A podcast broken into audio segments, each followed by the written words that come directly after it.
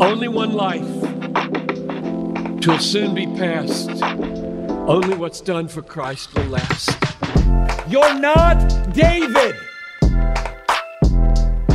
But a woman should be nothing more or less than what God made her to be. Tør å stå for noe som kanskje du blir spotta for? Det er på tide. Ladies, you are not enough. And that's okay. Hei og velkommen til Sarapodden, en podkast av jenter for jenter. Eh, mitt navn er Vilde, Og mitt navn er Cecilie. mhm, og i dag har vi masse spennende på programmet. Men før det, Cecilie, hva har skjedd siden sist? Ja, nå må vi ha en eh, rask oppdatering her, for det at nå er det skjedd litt greier. Mm. Og særlig etter mediekjøret, som har vært litt nå etter vi la ut en episode Ikke en episode, men en kort snutt fra en episode om der vi hadde om pride, der vi hadde Rikard Bahari som gjest. Mm. Og den ble jo først fjerna, og så eh, på grunn av hatefull ideologi. Og så klagde vi, eller sendte inn en eh, anke, Mm. eller anka på det, og så fikk vi den opp igjen. Men det som skjedde, var at det var faktisk en av de avisene som ringte meg og så sa at du, videoen er forresten fjerna på nytt. Så den er blitt fjerna nå igjen. Så da har det vært litt greie i media. Mm. Men eh, vi kommer jo ikke til å endre på innhold videre, da, Nei, av hva vi, hva vi publiserer. Men det har vært litt spesielt Mm. å måtte Eller å få et møte med det, da. Mm. Og temaet vi skal snakke om i dag, har jo kanskje litt med dette å gjøre også. Ja. Eh, vi skal snakke om eh, liberal teologi, og til det har vi med oss en gjest. Ja. Så velkommen til Geir Stomnås. Takk for det. Mm. Ja. Du er faktisk den eneste gjesten hittil som vi inviterer tilbake igjen. Så det er jo et godt tegn. Oi, det, nå kjente du la press på meg, men det var en, en stor ære. Ja. eh, og du har jo vært litt sånn eh, offentlig, altså i, i debatt også rundt dette temaet. Så det, er- det er jo en grunn til at eh, vi ber deg som gjest. ja. Geir, vår eh, pastor i Philadelphia Vennesla. Så det mm. temaet som vi skal ha, er Er det så farlig med liberal teologi? Eller snakke litt om hva kan konsekvensene det være, og hva er det? Mm. Og da har det vært eh, veldig bra at vi kan ha med deg, Geir. Men de som, he, de som ser på den nå, det er ikke sikkert at de har hørt den første episoden der du var med. Selv om det håper jeg jo at de har hørt. Mm. Men eh, du må si litt kort om deg sjøl for de som ikke kjenner til det. Ja, eh, Geir Stumnås, og jeg har vært pastor her i Philadelphia Vennesla siden eh, 2005. De siste tre årene som hovedpastor. Mm. Kona mi heter Hilde, og så har vi tre barn, Martin og Mathias og Marte. Eh, vi har bakgrunn som misjonær i Brasil, og jobba også for Det Norske Misjonsselskap. Og så jobba vi litt også i Nordmisjon før vi kom til eh, pinsemenigheten her, da. Mm. Så eh, det er litt av Altså, min tjeneste har alltid vært å være pastor. Det var kall jeg hadde helt fra jeg var barn. Så, i, så lenge jeg har vært voksen, har jeg alltid jobba som pastor et eller annet sted. Men eh, nå er vi i Philadelphia, og her tenker vi å være så lenge vi kan. Ja, Så bra. Det er jo vi veldig takknemlige for. Mm. Og sist så snakker vi om eh, den lokale menigheten. Men nå har vi jo litt mer Enda mer sånn spissa tema, kanskje, enn eh, sist. Mm. Og da er jo spørsmålet, når vi snakker om liberal teologi, så må vi jo først definere litt hva vi mener med det. Fordi at uh, ofte så kan man slenge ut 'jeg er liberal' eller 'jeg er konservativ', men så siden vi skal bruke liberalteologibegrepet kanskje mye, så må vi definere litt hva, hva mener vi når vi snakker om liberalteologi? Ja, nå, nå, kunne, nå kunne jeg jo tatt en sånn historisk gjennomgang, og det skal vi ikke gjøre. fordi det ordet liberalteologi det har vært brukt på litt forskjellige måter gjennom historien. Opprinnelsen til det er noe annet enn sånn som vi bruker i dag. Men enkelt sagt, for å ta det inn i vår situasjon i dag, så handler det jo om en lære som bryter med det som er Guds ord, med det som er Bibelens lære. Og hvis, når mennesker da legger til eller trekker fra noe av det som står i Bibelen, så eh, vil det ofte eh, komme under den betegnelsen liberal teologi, sånn som det brukes i samfunnet i dag. da. Så, så det handler rett og slett om eh, på den ene siden bibeltroskap og liberal teologi på den andre siden, for å, for å sette liksom ytterpunktene sånn, da. Mm. Ja, for jeg kikka inn på en eh, side som heter Desiring God, og så litt sånn hva er det de Åssen de definerte liberal teologi, da. Og da skrev de The desire for the Christian faith to be free from the word of God in mood, methods, morals or message.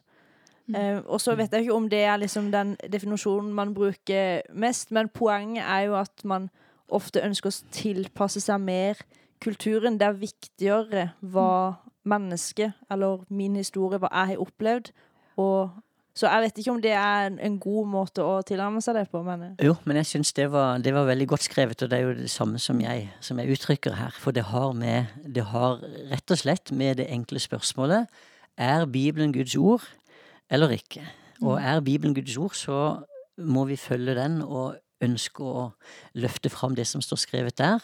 Har vi da det som vi nå kaller liberal teologi, en sånn tilnærming, så vil du jo, mø så vil du jo møte Bibelen, eller bruke Bibelen, på en helt annen måte enn om du godtar at det er Guds ord. Og så har jeg lyst til å si det at eh, for, for ofte kan vi få litt kritikk for at vi da setter merkelapper på folk, og det viktige for meg det er jo ikke å kalle at ja, han er en liberal teologi, og han er ikke en liberal teolog, osv. Poenget er jo her å løfte fram betydningen av Guds ord som er åpenbart i Bibelen som en sannhet, som får konsekvenser for vårt liv og vår lære. Og det er jo her skillene går inn i også det kirkelige landskapet i dag. Og derfor, eh, uavhengig av begreper, så er det det som er saken, og som er, som det er viktig at vi løfter fram. Mm. Og Geir, du har jo vært en, en stemme egentlig i dette eh, i det siste. Hva har gjort at du har villet engasjere deg i dette?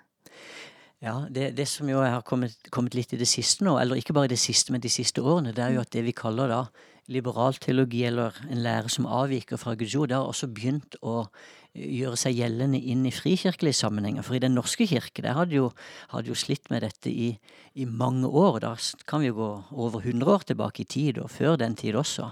Og det var jo et veldig oppgjør med dette i Den norske kirke på 1920-tallet.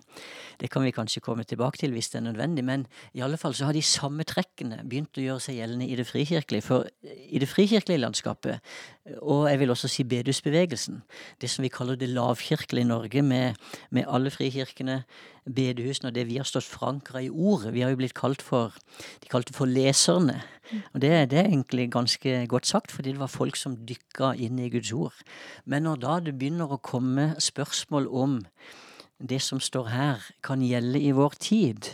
Det som Paulus skriver, og det som er sagt i Nytestamentet eksempel, er det sånn at det kan gjelde 2000 år seinere.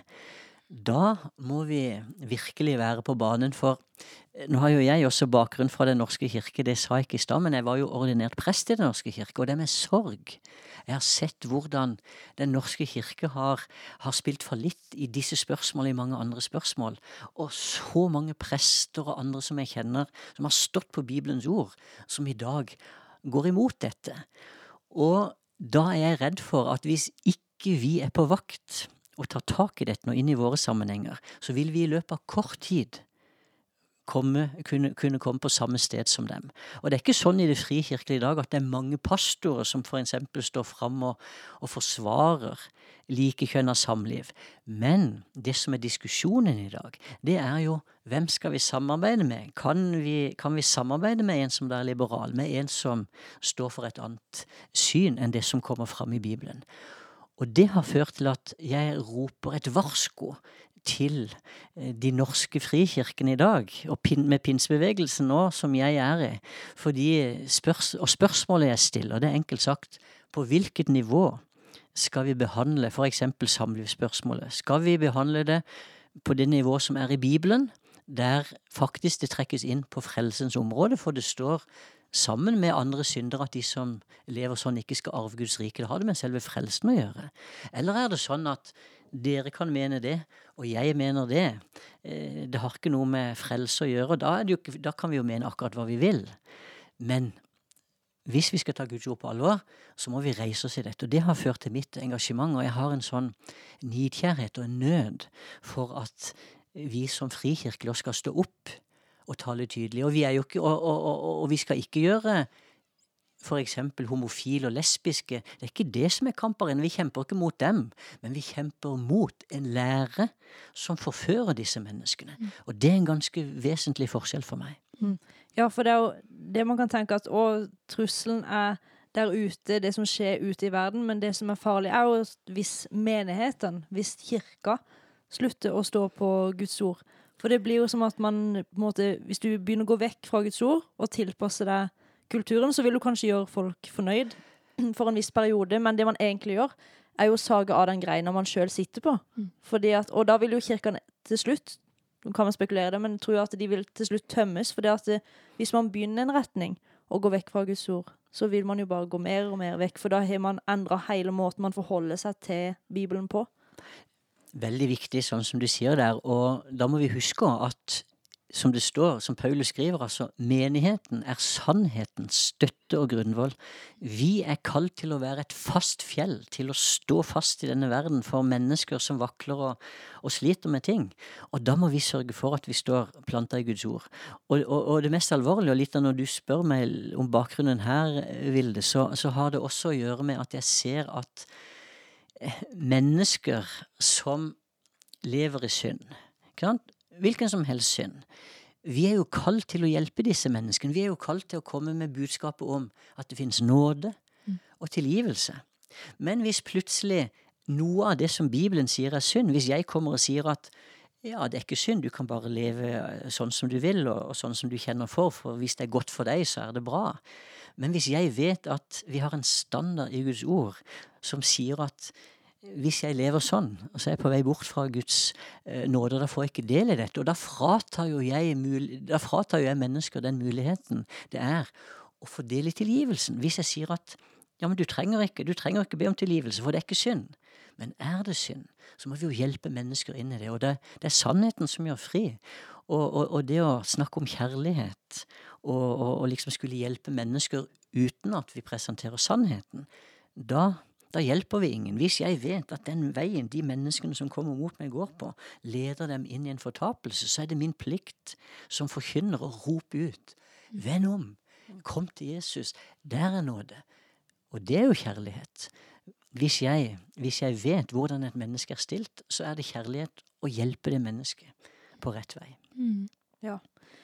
Fordi at det, Nå har vi jo snakka litt generelt om liberalteologi og på en måte kreftene bak det. Men si at man sitter her og man er enig i ja, kanskje alt det du sa nå, ikke sant? men åssen ser liberalteologi ut? Som vi nevnte at det har kommet mer inn i frikirkelige sammenhenger.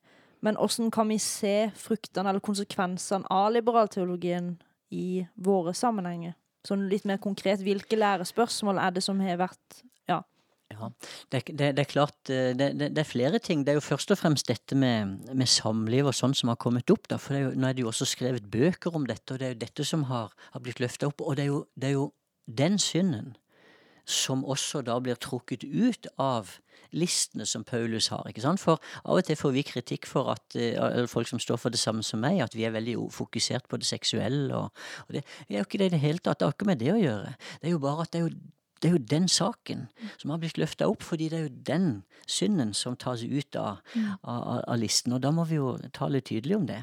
Men, men eh, hvis du eh, møter meg og en som mener eksempel da at eh, de kan forsvare et likekjønna forhold.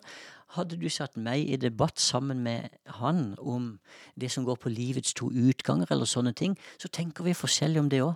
For dette med samliv eller andre ting, det er jo bare et symptom på noe helt annet. Og dette som også vi snakker om her først, Cecilie, og som du, du har et sitat der, og som jeg sier er veldig bra definisjon av liberal teologi, for det har med åssen ser vi på Skriften. Og det er der det sporer av. Hvis Bibelen ikke lenger er Guds ord, da trenger ikke vi å forholde oss til det. Og da, da kommer alle mulige slags meninger opp i dette. Og derfor er det så, Og det er der vi ser òg i, eh, i, det frikirkelige, at det er der, det er der man, man, begynner på en forsiktig måte. For det er, ikke kommet, det er ikke sånn at det er et massivt støtte for eh, f.eks. likekjønna samliv. Det er jo pastor i det frikirkelige som støtter det åpent i dag. Men, men det, det er et fåtall. Men problemet er at ikke vi behandler spørsmålet på det nivået det skal være. Um, og, og, og, derfor er det ikke nok i dag å si 'jeg står for ekteskap mellom en mann og en kvinne'.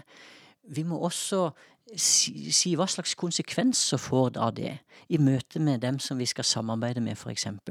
Og der ser vi også, også inn i pinsebevegelsen og det frikirkelige, så er det delte meninger om det. Men hvis ikke vi er tydelige også i de spørsmåla, så er det første steget på veien til at det kan begynne å rakne opp. Mm. Ja. Det er vel kanskje mange innvendinger, eh, eller fall jeg har hørt, som oftest eh, at folk kommer med at eh, Men det er jo mange tolkninger av Bibelen. Hva får deg til å tro at dette er liksom riktig tolkning? Men på spørsmål i for eksempel samlivsdebatten, der Bibelen tydelig viser at bare én ting er rett, da handler det jo om bibelsyn, og ikke at en har en annen tolkning av på en måte akkurat det. Eh, så det høres jo kanskje fint ut at, eh, at ja, det er bare mange ulike tolkninger, men i realiteten så er det noe mye mer seriøst. Ja, for det, er det. Ja, for det, det er det vi skal komme litt inn på nå, som vil det innlede litt her. Det med at det, man snakker om at det finnes to ulike syn. For det høres jo kjempebra ut at ja, men vi er jo på samme, samme, vei, vi har bare to forskjellige syn på samliv. Som gjør at ja, vi er uenige, men vi er på en måte like uansett. Vi er like i Kristus, vi, er, vi tror på Jesus, vi tror på Bibelen. Men hvordan skal vi forholde oss til det? Mm. Og akkurat sånne utsagn som det, det er jo en retorikk. Altså, den har jo vært brukt nå i mange år. Og da, er, da, da for å kalle en spa for en spa, det er jo det er et stort bedrag. Fordi hvis Guds ord er tydelig på noen ting. Og bare for å ta det først, for det, det, det, er klart det er ting i Guds ord som vi kan forstå forskjellig, og som vi må tolke inn i det. Men da må vi jo tolke det med hjelp av Bibelen. Men det er noen ting i Guds ord som ikke gir rom for tolkning. Det er klinkende klart. Og det som har med frelsen i Kristus, og det som har med, med synden der å gjøre, det er jo det er, jo, det er jo, veldig tydelig. Og, og, og, og, hvis du tar det med samliv, med likekjønna samliv, så er det noen få det er noen få tekster, men alle er entydige. Så kan du ta andre spørsmål som vi tenker forskjellig om. Ja, men Det sies litt forskjellig i Bibelen, og vi må se det helheten i sammenheng for at vi skal forstå det. Mm. Men det som du eh, det som du eh, spør om der, Cecilie, altså, altså du vil inn på dette med Si en gang til. Tosynstanken. Ja, ja, ja. At, det er, at det finnes to ulike syn på samliv. Ja, og, og det der sier at det er jo et av de store bedragene som er i dag. Fordi når Guds ord er tydelig om en ting, da, da, handler det ikke lenger om to syn, men da er det jo to ulike lærer som vi har. Det er to ulike teologier som ikke det er mulig å forene. Og det må vi forstå her i dag. Og, og, og, da kan mennesker i forlengelsen av det de kan si at ja, men vi må jo ha enhet som kristne. Kan vi ikke liksom enes om det vi er enige om, og så lar vi de andre tingene ligge? Jo, noen ting kan vi la ligge, men det som har med selve frelsen å gjøre, det kan vi ikke la ligge. Og en enhet det handler ikke om at mennesker, grupper av mennesker finner sammen og blir enige om noe som, som de kan ha vært i strid om, og så lar de det ligge. Men enhet i Bibelen, det handler jo om å være enig med det som den levende Gud gir oss. Altså det Enheten har sitt utspring i Faderen og Sønnen og Ånden. Og det er, den, det er jo den enheten vi snakker om her. Og det er spørsmålet ja, er jeg enig i at dette er Guds ord? Er jeg enig med Gud? Og det er på det grunnlaget vi må bygge en kristen enhet. Og derfor finnes da ikke sant, det som i, i det ytre sånn rent menneskelig virker som enhet i dag, det er jo ikke noen enhet.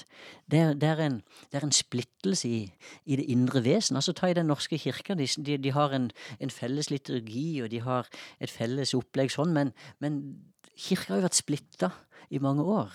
Og, det, og, dette må vi unngå. Vi skal komme også sånn inn i det, i det frikirkelige. At vi skal virkelig ha en sann enhet på ordets grunn. Og det ser jeg òg i dag. At Gud han fører sammen mennesker på tvers av alle kirkesamfunn. Det er, en, det er en sterkere enhetstanke enn noen gang før i min levetid. Der jeg har tett kontakt nå med mange også fra de lutherske eh, bedehusene, som står sammen med oss pinsevenner og frikirkelige i dette med, med, med bibelsynet. da. Og det er en styrke. Og den enheten skal vi fremme, men den falske enheten den skal vi til og med ta avstand fra. Og det, det skriver Paulus òg, så det må være skiller for at det skal bli klart mm. Eh, hva som virkelig kommer fra Gud her. Mm. Mm. Eh, jeg har også eh, skrevet ned noe jeg har eh, kanskje hørt veldig mange argumentere med. Eh, og det er altså En ser at eh, følelsene for autoritet i livene sine eh, over Bibelen, da, at de gjerne sier at eh, Men jeg føler ikke fred over dette og dette, eller jeg føler ikke at Gud kan være sånn, så derfor så velger de eh, en annen lære, da. Ja, og, og noe av det horrible, Vilde, i det, det er jo også at, at hvis jeg, kan, hvis jeg kan snakke kort om etikk her, i, i etikken så har du noe som, som de kaller for konsekvensetikk. ikke sant? Altså Hvis ikke det får noen negative kon konsekvenser, hvis det er godt for deg, så kan det ikke være synd. Og, og sånn som her tidligere i høst, så var jo jeg blant annet i, i debatt med, med en som heter Harald Hekstad, som er professor på Menighetsfakultetet. Og han, han sier jo rett ut, han har skrevet det, han sier jo i debatten òg, at, eh, at eh, noen ganger så kan vi ikke bruke Bibelen, fordi Bibelen den, den trykker ned, Bibelens ord trykker ned mennesker i stedet for å løfte dem opp. Han sier at derfor må vi noen ganger verken bruke Bibelen, og noen ganger må vi si noe annet enn det Bibelen eh, lærer. Og da, eh, hvis, hvis eksempel to mennesker da finner ut ja, ja men det, det skader ingen, det, det, det er godt for meg, så kan man spørre, så er det ikke galt, så kan man spørre ja, hvor langt skal de trekke det da? Nå er jeg utfordret tilbake, hvem, hvor går grensen, og hvem setter grensen? Det, det, det kan ikke folk svare på. For alle har en grense. Alle vil si at noe er rett og galt. Men jeg leste òg her i VG i høst? Det var et ektepar. Jeg leste intervjuet med. De hadde blitt enige om at de kunne være utro. Mannen kunne være utro, kona kunne være utro, men de skulle være sammen i ekteskapet. Er det da rett? Eller fins det en standard som Gud har satt, som alle mennesker må forholde seg til? Og da er vi inne ved noe av, av, av kjernen her, og, og det som skjer i dag. At, at eh, mennesker Ja, men hvis jeg føler det godt, og jeg må få leve ut mine lyster, jeg må få eh, ikke bli og, og, og hvis Bibelens ord blir som en, eh, en sånn, et, et åk på mennesker, så kan vi ikke bruke det. Men hvis vi ikke kan tro at Guds ord er det beste for andre mennesker, da har vi jo ingenting å komme med. Da har vi ingenting å veilede med. Men det tror jeg må være vårt utgangspunkt. Hvis det er en Gud som har skapt oss, som elsker oss, som vil alle sine barn det beste, da må vi også tro at det han har sagt, er det beste for oss. Og, og det skal vi løfte fram med stolthet og tydelighet. Og, og som jeg sa i stad, kamparenaen, det er ikke menneskers liv. Det er ikke verken homofile eller lesbiske vi kjemper mot. Men vi kjemper mot en lære som hindrer dem i å få del i Guds nåde. Og det er alvoret for meg. Ja, for det er jo her ansvaret ligger på menighetene. At det er viktig at åssen er det vi forholder oss til dette? Hva er det vi lar slippe inn i menighetene våre? Eh, For det stender jo dette med at litt surdeig gjennomsyrer hele deigen. Så hvis vi bare tenker at Det høres så bra ut å si at ja, men alle må jo være venner, alle er jo på det samme, og alle, alle ønsker jo det samme. Men hvis det blir en enhet som går på bekostning av Guds ord, så blir det jo litt meningsløst nesten å samles, fordi at det som skulle ene oss, blir plutselig ikke det viktige lenger. Så da blir det jo litt sånn Oi, hvorfor skal man samles som menighet, da? Ja, og, og da vil jeg igjen bare på nytt minne om det som vi så vidt toucher her i stad, som en med menigheten som sannheten støtter grunnvoll. Og tenk det, når Jesus sa det til Peter, altså du er, du er klippen. Og det er jo det er jo det som, som vi, Det skal vi ta til oss. Vi er den klippen. Vi føler oss ikke alltid som det. Men når vi er i Guds ord, så er vi en sånn klippe for verden. Men hvis jeg begynner å plukke fra hverandre noe av det som Gud har gitt, som skal være støtten og det som virkelig skal hjelpe mennesker, da har vi jo, har vi jo ingenting å gi dem. Og, og Gud, han kan jo han kan bare bekrefte sitt ord. Altså, det er, mange, det, det, det er mye her som ikke vi forstår. Det er mye her som, som kan virke ulogisk for oss mennesker. Eh, det, er ingen, er noe, ikke, det er ingenting som er ulogisk i Guds ord. At jeg kan synes det er det, det gjør ikke at det er ulogisk, for Gud er fullkommen. Gud er perfekt. Han har en plan med alt. Så både det jeg forstår, det ikke jeg forstår, det som klør i øret, det som ikke klør i øret, alt er Guds ord. Og skal vi vente at Gud hjelper oss og at vi skal få være den menigheten som han har tenkt vi skal være for verden, da, må, da har vi ikke noen annen vei enn å tale ut Guds ord, sånn som det står skrevet. Og det er, det er veldig håp. Og, vi må jo, og, og- derfor kjenner jeg blir nidkjær når mennesker kommer og sier det at ja, men vi kan ikke alltid bruke Guds ord, og noen ganger må vi si noe annet. Det, jeg kjenner det skjærer i ørene mine, fordi det bryter med hele Guds kjærlighetsprinsipp, med, med, med, med den godheten som Gud vil at vi skal gi til mennesker. Og man kan jo tenke at dette med at eh, prester og ledere begynner å vike av, at det er noe nytt. Men det kan vi jo se opp igjennom de forskjellige tidene, som man kan se i Gamle testamentet òg. De som var satt til å være prester, de som var satt til å være ledere, gjorde ikke det de skulle. Og jeg vil bare lese noe kort fra Esekiel 22 der. At det stender fra 22 og så fra vers 26, så stender det Prestene gjør vold på min lov og vanhelliger mine helligdommer. De gjør ikke forskjell på innvidd og uinnvidd. De lærer ikke folk å skille mellom urent og rent. De lukker øynene for mine sabbater. Slik vanæres jeg blant dem. Og det, man kunne lest mer videre, da, men du ser at Herren han finner ikke de prestene. Hvor er de prestene? Hvor er lederen, som lærer folket å skille mellom rent og ureint?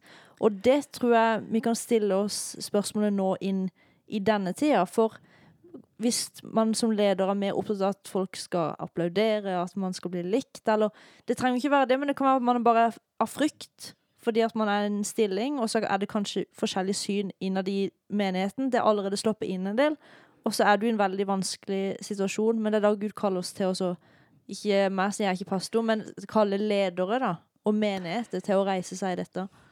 Ja, og jeg tror at der er vi inne på noe av det som òg er viktig i tiden nå. Vi har jo hatt det vi kaller Reis deg Guds menighet her to, i 2022 og 2021, konferanser. Og det som, det som har slått meg, det er hvor mange som kommer og sier til meg Geir, hvor er hyrdene? For de er kanskje i menigheter litt sånn som du beskriver. De, de vet at folk tenker forskjellig om noen ting, og så tør ikke pastoren å si noen ting, for de er redde for at grupper skal forsvinne fra menigheten, og så blir folk forvilla. Men i dag, og det er en nød som jeg har hatt de siste to-tre årene, jeg har aldri kjent det så sterkt i hele mitt liv, når Jesus sa han, han snakka om, om, om folk, de var som sauer uten hyrde. Og i Norge i dag det er tusenvis av mennesker som venter på at hyrdene skal reise seg. De som Gud har utrusta, og som han har kalt og gitt nådegaver til å stå i gap, om jeg kan bruke et sånt uttrykk. For hvis vi hadde, nå er du, leste du fra Esekiel, og hvis vi hadde vært et par andre steder i Esekiel òg, så kommer han inn på dette at Gud har satt profeten til å være en vaktmann. Hvis han ser fienden komme, og han advarer folket, og de hører på han, så blir de berga.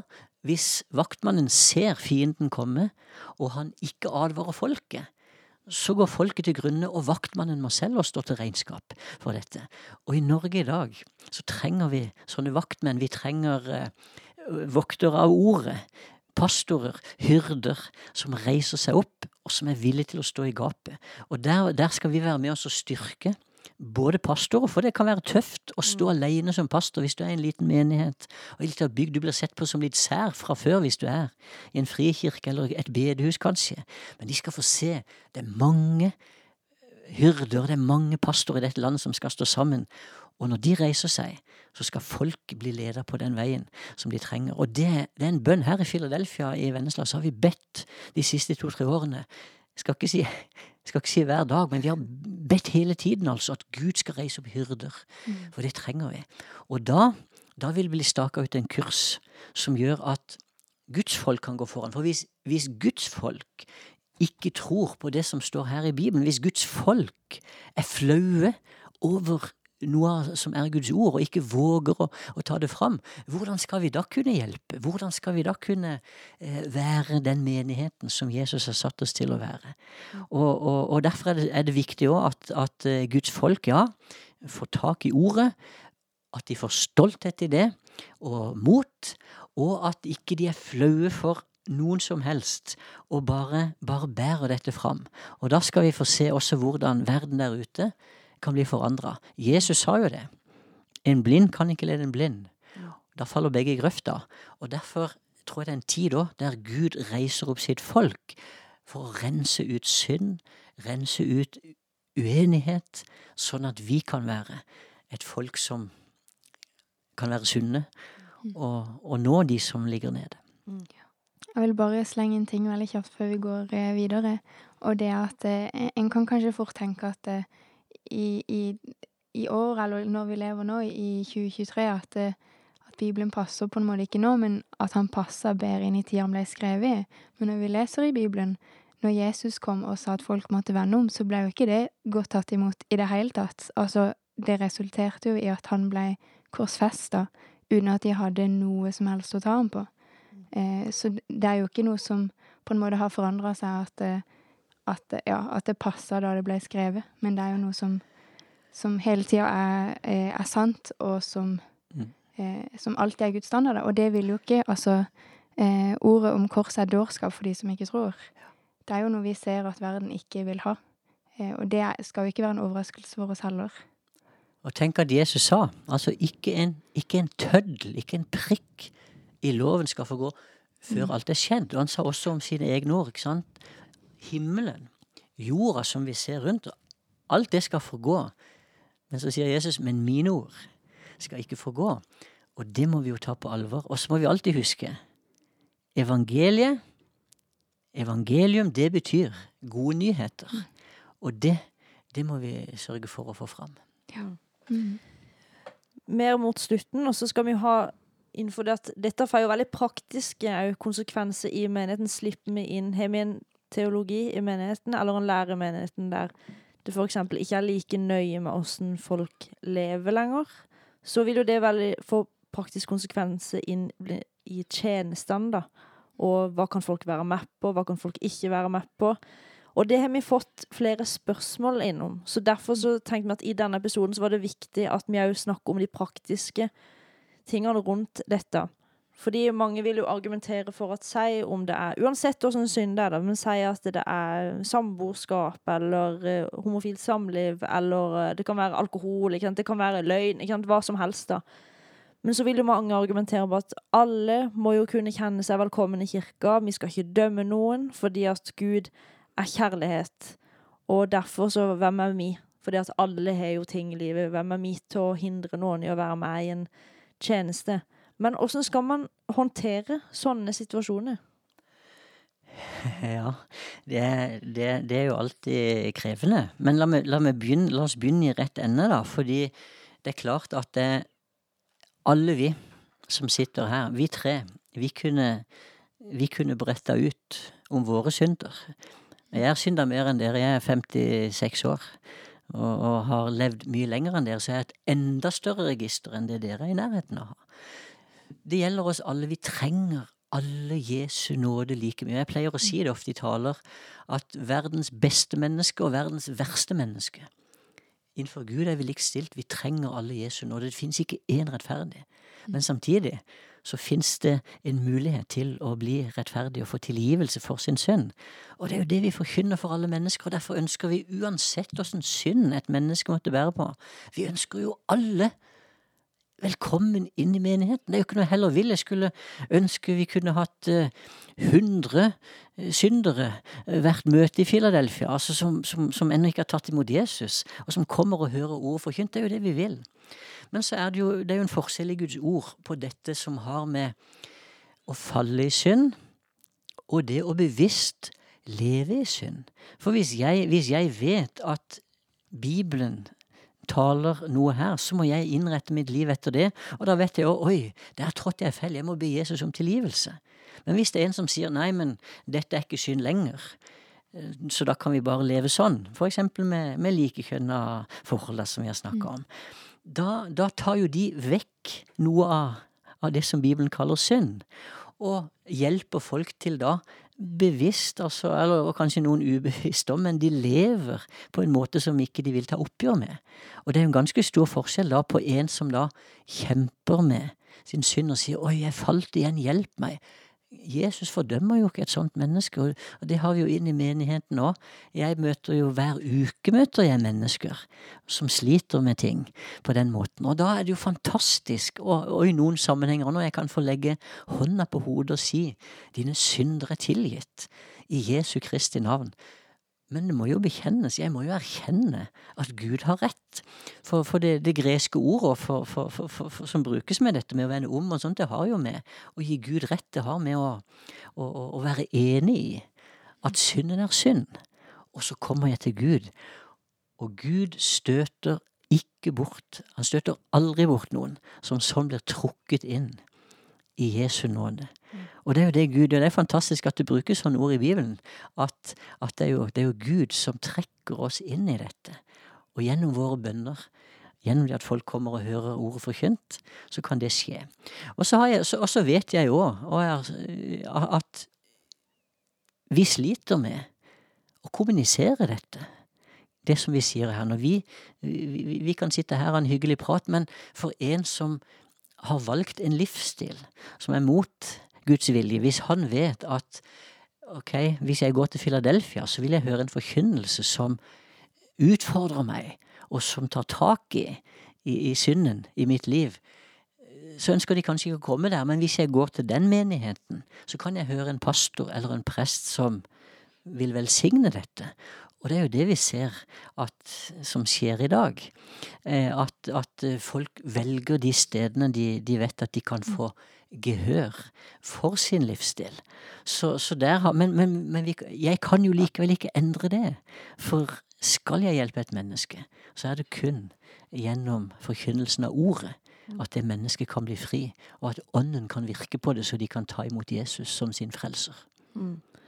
Og det er jo derfor det er viktig at eh, hvis man da er leder i en forsamling, at man ikke bare Altså man tar samtaler med de det eventuelt gjelder, da, hvis du vet at det er noe i livet. For det, det handler ikke om å bare gjøre forskjell på at, gjøre forskjell på alle de ulike syndene og fokusere mer på det ene. Det handler jo om hele holdninga overfor hvem Gud er, og hva Hans ord har sagt. For det at eh, Gud sier jo det at eh, den stolte, den står han imot, men den ydmyke, som vil ydmyke seg fra faren, den gir nåde.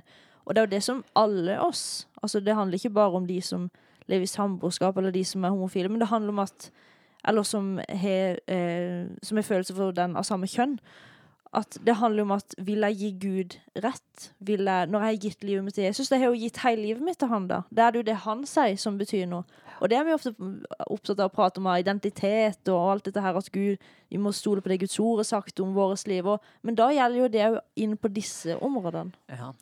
Og så er det en ting som er viktig for meg å si, til, til litt av det første du sier i, i, i, det du tar opp nå, Cecilie, og det er jo at vi må jo møte mennesker på forskjellige måter. Vi må møte dem med samme sannheten i ordet. Men hvis jeg, hvis jeg møter en pastor eller en biskop eller en prest, en autoritetsperson som som, som, eh, som, som taler vranglære eller skriver ting som er imot Guds ord, så må jeg jo møte han med fasthet og tydelighet og gå imot det for at ikke han skal forføre de andre. Der har vi et ansvar. Men så må jeg møte på en annen måte en som kommer til meg i sjelesorg og kjemper med sin seksuelle identitet, om vi kan bruke et sånt uttrykk, eller kommer til menigheten som er underveis, så må jo vi møte de med en annen retorikk, med andre ord med den samme tydeligheten, med samme sannheten, men, men der, der, må vi òg, eh, ved, ved, Jesu nåde, få kraft til å møte dem på en sånn måte at de kan forstå at jeg elsker dem. For jeg gjør det, og, og jeg har bedt, det kan jeg si òg, i, i, de siste årene. Jeg har sagt mange ganger til Jesus i bønnen min altså, Jesus, hva var det med deg? Hva var det? Hva var det? Altså, han var tydelig. Og klinkende klar i det han sto for, og samtidig, de verste synderne, de kom til Jesus. Hva var det med det, det, det, det, er noe med er noe med kjærligheten. Noe med det som forløses i menigheten. Og det, og tror jeg vi, vi, vi, opplever. altså Vi har mange, mange, steg å ta, men det er noe vi har snakka mye om i menigheten. At vi ønsker å komme tettere og tettere inn til Jesu hjerte, sånn at hans sinnelag, at hans tanke, alt det som er i Jesus, skal bli tydelig og synlig i våre liv. For da vil jo mennesker tiltrekke seg oss. Og hvis et menneske skjønner at jeg elsker det, da kan jeg jo si nærmest hva som helst til det mennesket til slutt. For da vet de, da vet de og overbevist om at jeg vil jo de, de, sitt beste. Men der er vi ikke.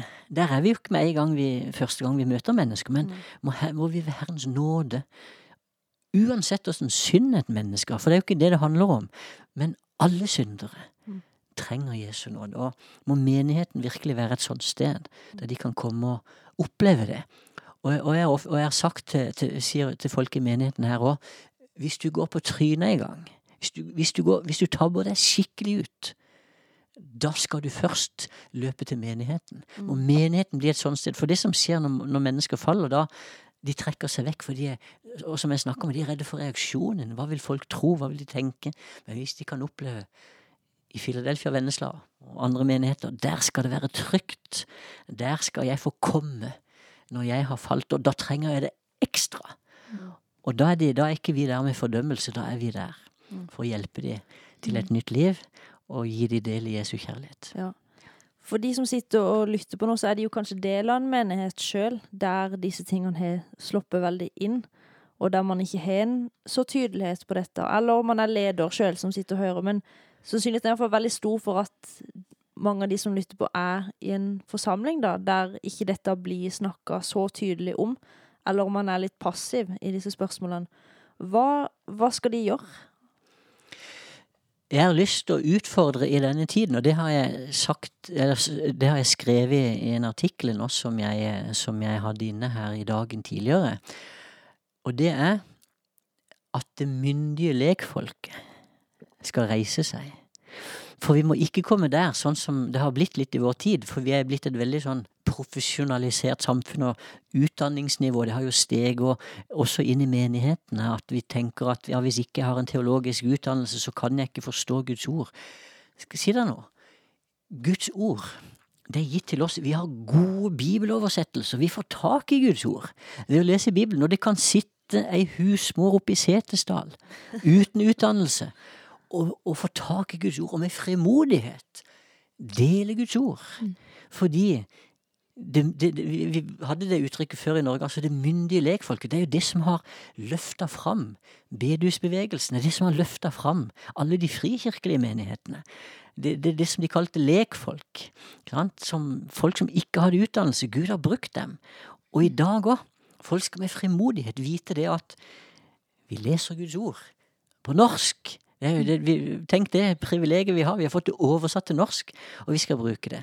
Og hvis mennesker da er i menigheter der, der pastoren eller presten over tid eh, står for det som er vranglære i møte med Guds ord, da må jeg rett og slett Det må de finne ut selv, men spør de meg om råd, så må jeg si da må du må finne, et, da må du finne en annen menighet. Hvis ikke du har noe som helst påvirkningskraft. Du kan ikke være under en forkynnelse, du kan ikke være med et sted der de så tydelig går imot Guds ord. Og da, da, da må vi se om de kan finne et annet fellesskap, eventuelt. Det går an å, å danne et nytt fellesskap, eller kanskje det finnes andre menigheter på stedet som de kan også søke til. Men det må jo, som sagt, det må den enkelte finne ut. Men, men spør de meg om råd, så vil jeg be de være veldig nøye på det. For de, de må få påfyll. De må vokse i troen. Og det, vi som pastorer, vi er jo kalt til å være med og, og, og, og, og gjøre det. Vi skal, vi skal gi god føde til sauene. Og da må de være et sted der de virkelig får god mat, og ikke det som bryter ned ting i troen sin. Mm. Ja. Eh, tu nei, tusen takk eh, for at eh, du ville ta deg tid til å snakke med oss i dag. Ja. Eh, Det var Og vi skal jo inn i det som du har fortalt om Norge, Så skal vi òg komme med anbefaling. mm. Og jeg vet, ja, Ville du ha jo noen anbefalinger noe. anbefalinger på lur? Ja. Eh, først så vil jeg anbefale Jeg må kanskje anbefale Geir sine ting aller først. Eh, det ligger en video ute på teologitavla eh, som heter 'Liberal teologi i frikirkene', der du snakker. Det er vel egentlig fra en, et innlegg du har skrevet. Eh, og så vil jeg også anbefale eh, den debatten du var i med Harald Hegstad på Verdidebatten. Og På TVL. ja. Men den ligger vel også ute på Ja, ja, det- Teologitavla har lagt ut eh, lenker til den. Hvis ikke så ligger den ute på TVL. Ja. Eh, og så vil jeg anbefale en podkast jeg har hørt eh, om dette, eh, av Alisa Childers, som heter What is Progressive Christianity? Og det, ja, det er jo liberal teologi, oversatt. Mm. Eh, og hun eh, tar for seg Hun oppsummerer egentlig fem punkter. Eh, altså eh, oppsummerer liberal teologi både liksom pass på i menigheten om du finner noen av disse tendensene, men også i ditt eget liv. Bruker du disse argumentene sjøl? Mm. Så den eh, episoden er veldig bra. Ja, For det er jo det som er viktig når vi snakker om eh, dette med menighet og at eh, du må passe deg for de og de, ikke sant. Men hva, Mm. hva, er, hva er det skumle med å være sjøl i en menighet der ikke det er tydelighet? Det er jo fordi at det preger jo ditt eget sinn òg. Mm. Så det er jo derfor jeg kjenner at jeg må være obs på hvor er det jeg gjenger, hvem, eh, hva er det jeg hører på? Fordi at jeg vet at hvis det er i et miljø ikke sant, der man kanskje ikke tar opp ting så tydelig, så gjør det jo noe med meg òg. Og hun har jo vitnesbyrd på det sjøl, hun, ja. hun som har den eh, Mm. podcasten. Så da vil vi jo Da har vi alle sagt takk til deg, Geir. Det var jo helt Mm. fantastisk å eh, ha deg med. Mm. En glede å være her. Ja, så bra. Eh, og så må vi huske å si at eh, hvis man har lyst til å støtte Teologitavla og det arbeidet som eh, de gjør, som er de som produserer Sarapodden, da kan du vippse til 692-607. Ja. Hvis du det, eller gå inn på teologitavla.no for å få mer Mm. info om det. Hvis ikke, så kan du sende inn spørsmål til Sarapodden. Krøllalfa teologitavla.no, eller send oss en uh, melding på Instagram. Ja. Ja, så kan du følge oss på Instagram eller på TikTok. Eller på TikTok. Det var det, ja. Mm. OK, da takker vi for denne gang.